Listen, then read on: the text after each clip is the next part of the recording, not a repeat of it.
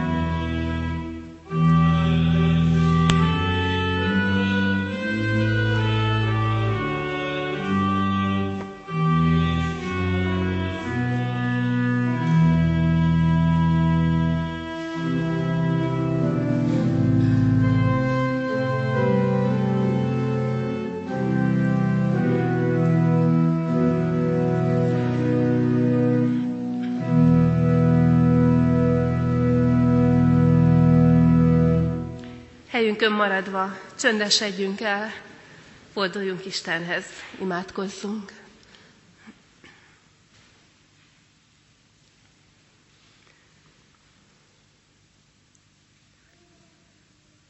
Urunk, tudunk, hogy, tudjuk, hogy azzal tisztelünk meg téged legjobban, hogyha az életünk téged tükröz. Hogy az az igazi Isten tisztelet, amikor a gondolataink, a szívünk, minden késztetésünk megtisztulva van előtted, és egyet akar téged dicsérni. De azt is látod, Istenünk, hogy ez magunktól nem megy, hogy ezerféle indulattal, kétséggel, ezerféle indokkal és várakozással jövünk Isten tiszteletre, legritkábban azért, hogy változtass bennünket. De mégis kérjük, hogy Jézus Krisztus, aki most jelen van közöttünk, Te ad nekünk lelkedet, Te szenteld meg a figyelmünket, a várakozásunkat, Te nyisd ki az egész életünket azelőtt, az ige előtt, amit velünk meg akarsz osztani. Kérünk, hogy táplálj bennünket hozzánk illő eledellel, ami majd téged dicsér. Amen.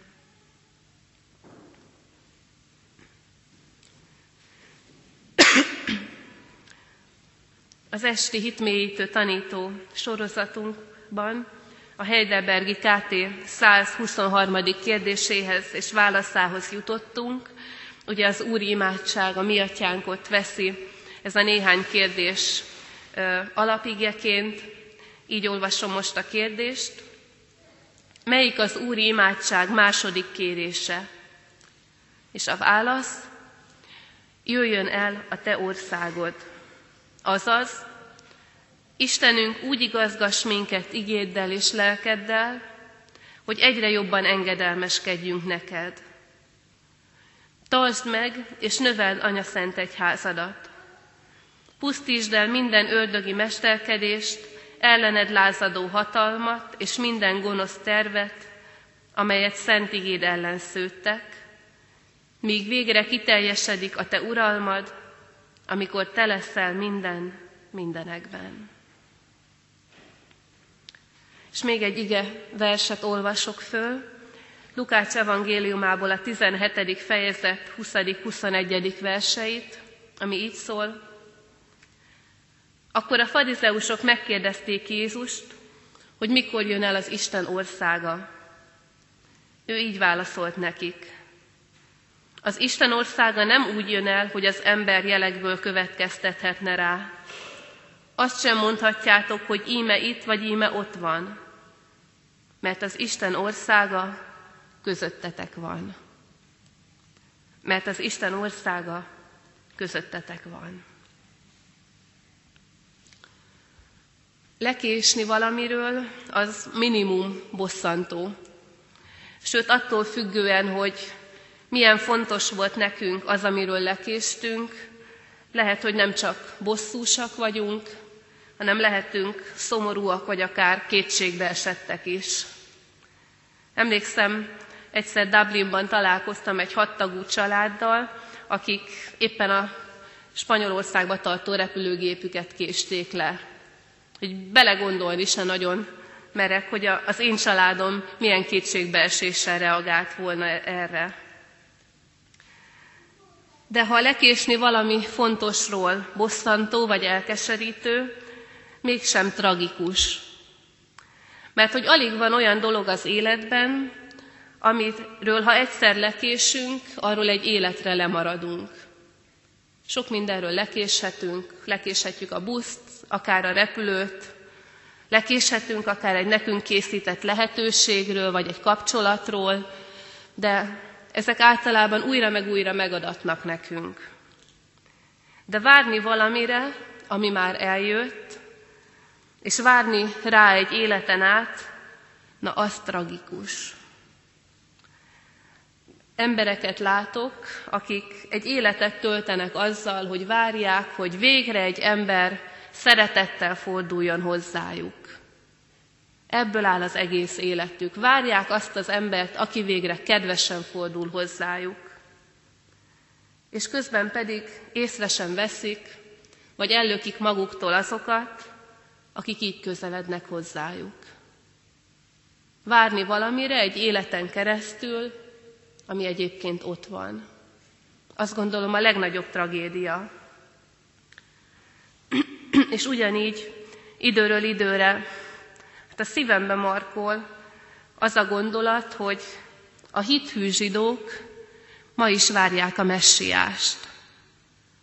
Azok a hitüket megélő, az Isten ószövetségi kijelentésében, ígéreteiben bízó zsidók, akik, akik ma is megélik a zsidó hitet, azok naponta imádkoznak azért, hogy Isten küldje el a megváltót.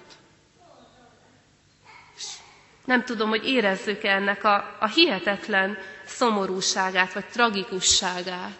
Isten már elküldte a megváltót, már rég itt van, már régen ez övék lehetne. És ők még mindig csak várnak és kérnek. Úgy ünneplik a zsidók, a hitüket tartó zsidók, zsidók a legnagyobb ünnepüket, a páskát, hogy a vacsora során, amikor újra meg újra megtöltik a kejhet, a boros kejhet, amiből isznak, az ötödik pohárból nem isznak, az ötödik töltést nem isszák ki, mert ezzel is annak a jelét adják, hogy még várják a messiást. Még várják az üdvözítőt, akit Isten majd elküld nekik. Évszázadok óta várnak arra, aki már eljött, és mindarra, amit már ő elhozott. És tulajdonképpen nem történik más, mint az ismétlődik, amit az előbb hallott evangélium részletből hallottunk. Ugye oda mennek Jézushoz a farizeusok, a hitüket komolyan vevő zsidók, akik odaadóan várják a megváltót, és azt kérdezik tőle, hogy mikor jön el az Isten országa. És nem hallják meg Jézus válaszát, hogy már itt van az Isten országa, mert én közöttetek vagyok. És valóban Jézusnak minden tette, minden szava, minden mondata egy-egy jel volt, egy-egy jele volt annak, hogy az Isten országa eljött hozzánk, közénk, emberekhez. Jézus akármit mondott, akármit tett, egy cél vezette, hogy visszahódítson bennünket, embereket az Isten királyságába. Mert Isten országa az azt jelenti, Isten országa ott van, ahol Isten uralkodik, és ahol éppen ezért az Isten akarata szerint történnek a dolgok. Olyan ez, mint az édenkert. Úgyhogy Jézus azért jött, hogy ilyen új Isten királyságokat építsen, alapítson külön-külön emberek életében, ahol újra Isten uralkodik, ahol Isten szerint mennek a dolgok, és hogy ez összeálljon egy nagy egészé, hogy az Isten országa épüljön itt a Földön is. És ezért kezdte Jézus úgy az ige hirdetését, ez volt az első nyilvános mondata, térjetek meg, mert közel jött hozzátok az Isten országa. Jézusnak minden tette igazából erről szól, hogy az Isten országa eljött hozzátok. Ezért gyógyított Jézus testi meg lelki betegségeket, és ezért támasztott halottakat is. Ez nem valami fura kivételezés volt, hogy néhányakat meggyógyít. Vagy Jézus halott támasztásai nem egy elkeseredett harc volt a lehetetlennel, hogy akiket csak tud föltámaszt. Az a kevés halott föltámasztás, amit Jézus tett, mind Isten országának volt a jele. Annak a jele, hogy ahol Isten közel van, ott gyógyulás történik, ott, ott az élet legyőzi a halált. Vas Albert egyik regényében van egy szereplő, egy férfi, akinek a feleségét és a gyerekét széttépték a farkasok. És ezután ő sokáig, évekig egyetlen dolognak szentelte az életét, annak, hogy minden energiáját, annak, hogy megöljön minden farkast, akit csak lehet. és aztán egy idő után ráébredt, hogy hiába való a küzdelme, hogy sose fogja tudni kiírtani az világ összes farkasát. Jézus nem ezért gyógyított betegeket, mert ő tudta és megmondta, hogy a szegények mindig veletek lesznek. Betegség és halál mindig része lesz a földi életnek.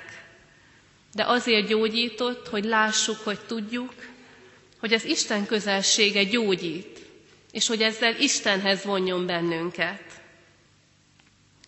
És ugyanígy az Isten országa miatt beszélt Jézus a bűnről és a bűnbocsánatról is. Ezért szabadított fel embereket a nekik adott bűnbocsánattal. Mert az Isten országában nincs helye se a bűnnek, de még a bűnbánatnak se, a bűntudatnak se. Az Isten országában szabadság van a bűntől. És így érthetjük meg azt, hogy hogyan lehettek Jézusnak ellenségei is. Így érthetjük meg azt, hogy a szeretet, a békesség fejedelme, hogy tarthatott az utolsó leheletig ellenségeket magának. Mert voltak. Hát úgy, hogy sok ember ellenállt az Isten országának. Hogy sok ember nem hagyta, hogy az Isten országa, az Isten országának az erői hassanak az életében. És meg, akadá- meg akarta akadályozni ezt, hogy a mások életéhez is eljussanak. És azok váltak Jézus ellenségeivé, akik nem kértek az Isten országából, és akik másokat is vissza akartak onnan tartani. És így érthetjük meg azt, hogy miért olyan nagy dolog Jézus halála. Engem újra meg újra megdöbbent, hogy, hogy mi szokott embereket igazán Istenhez hívni, megtérésre bírni. Jézusnak a tanításai, az, hogy boldogok a lelki szegények? Szerintem nem. Jézusnak a jelleme? Szerintem nem. Jézusnak a kereszthalála. Aki, aki Jézushoz tér, szinte egytől egyig elmondja, hogy, hogy amikor megértettem, hogy mit jelent Jézus halála, amikor megértettem, hogy ő ezt azért tette, hogy nekem szabad utam legyen az Isten országába, amikor megértette, hogy értem hozta ezt a legnagyobb áldozatot, és mindenki másért, akkor adtam oda az életemet Krisztusnak. Így értjük meg, hogy miért olyan fontos Jézus halála. Jézus azért nem kerülhette és nem kerülte ki a kereszt halált, mert tudta, hogy ezzel nyitja meg mindenki előtt az Isten országát. De ha Jézussal már eljött az Isten országa, akkor miért tanít és miért kér bennünket arra, hogy így imádkozzunk, hogy jöjjön el a Te országod? És nyilván azért, mert ha körülnézünk, akkor látjuk, hogy az Isten országa még nem jutott teljesen érvényre. Ahogy amikor Jézus itt volt a földön, és tanított, és gyógyított, és szeretett, és meghalt, és föltámadt, akkor is volt bűn, akkor is történtek tragédiák, sok és nagy, akkor is volt betegség és halál, és most is van. Isten országa akkor fog igazán az érvényre jutni, és akkor veszi át mindenhol az uralmat, amikor Jézus Krisztus visszajön, ahogy ígérte. És ahogy a jelenések könyvében Isten ígéri, akkor majd az Isten országa megszentel mindent. Ezt olvassuk a jelenések könyvében. A város főútjának közepén, a folyó két ága közt van az élet fája, amely tizenkétszer hoz termést, minden hónapban megadja a termését, és levelei a népek gyógyítására szolgálnak. És nem lesz többé átok az országban, hanem Isten és Jézus trónosa lesz benne. Szolgái imádják őt, és látni fogják az ő arcát.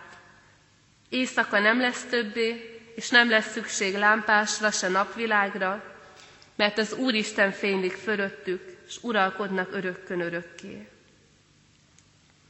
Ezért az országért imádkozunk, hogy ha Jézus visszajön, akkor vegye át a teljes uralmat ezen a világon. De, de addig is terjedhet, és addig is terjednie kell az Isten országának.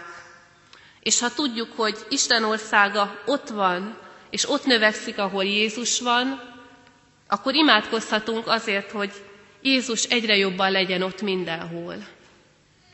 Imádkozhatunk azért, hogy a saját életünk minden területén legyen ő ott. Mert sokszor egyenként kell Jézusnak megnyerni az életünk tőle még távol tartott területeit. Lehet, hogy megtértünk hozzá, de talán még nagyon függünk az anyagiaktól. Lehet, hogy megtértünk hozzá, de nem tudjuk letenni a keserűségünket. Imádkozhatunk azért, hogy az életünknek ezen a területein legyen ott Jézus, és vegye át az uralmat. És azért is szükség van arra, hogy Isten országáért könyörögjünk, mert, mert az Isten országa csak ott fog embereket megnyerni magának, ahol az erői megmutatkoznak. Ha, ha nem látszik a saját életünkben az a sok jel, ami, ami Jézus életében is látszott, a szeretetnek, a bűnbocsánatnak, a, az áldozatkészségnek a jele, nem fogjunk tudni embereket megnyerni Krisztusnak.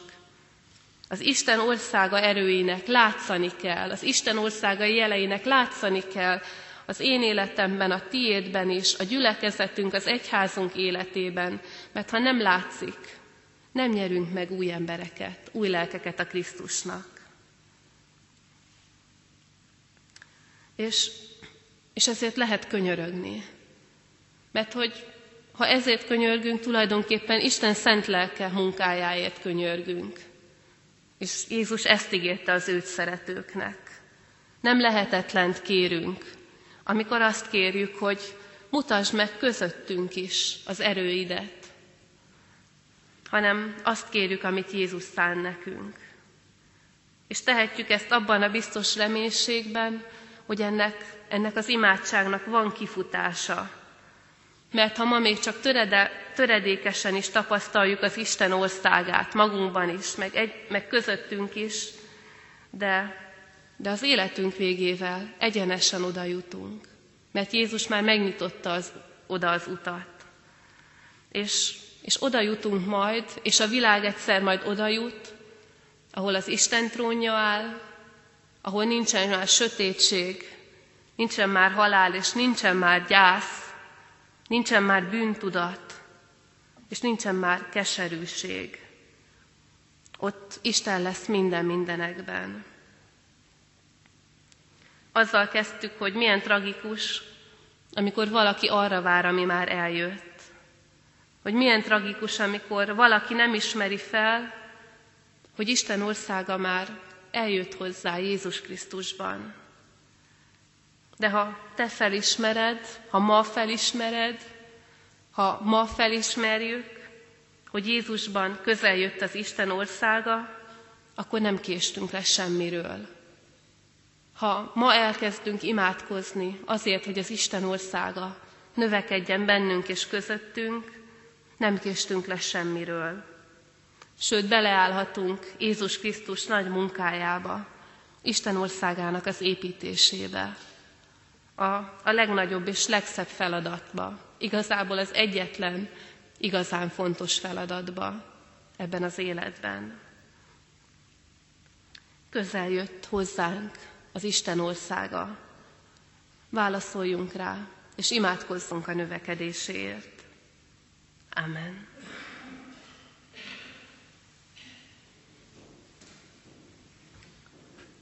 A megkezdett 482. dicséretünk utolsó tizedik versét énekeljük. 482-es dicséretünk tizedik verse, dicsőség néked mennyben örök Isten.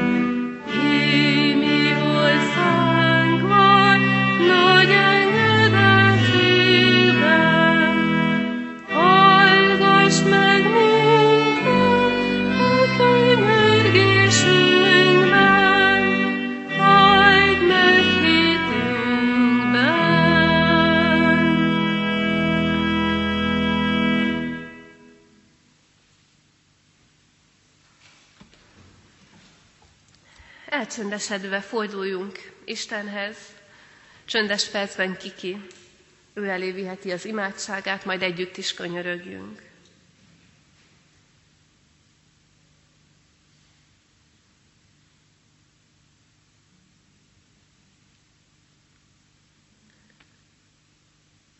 Urunk, a holtak nem köszönnek meg semmit.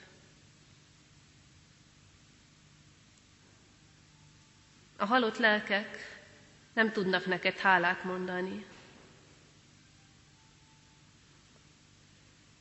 Támaszt fel engem halálomból, tárt fel előttem, amit te értem tettél és teszel.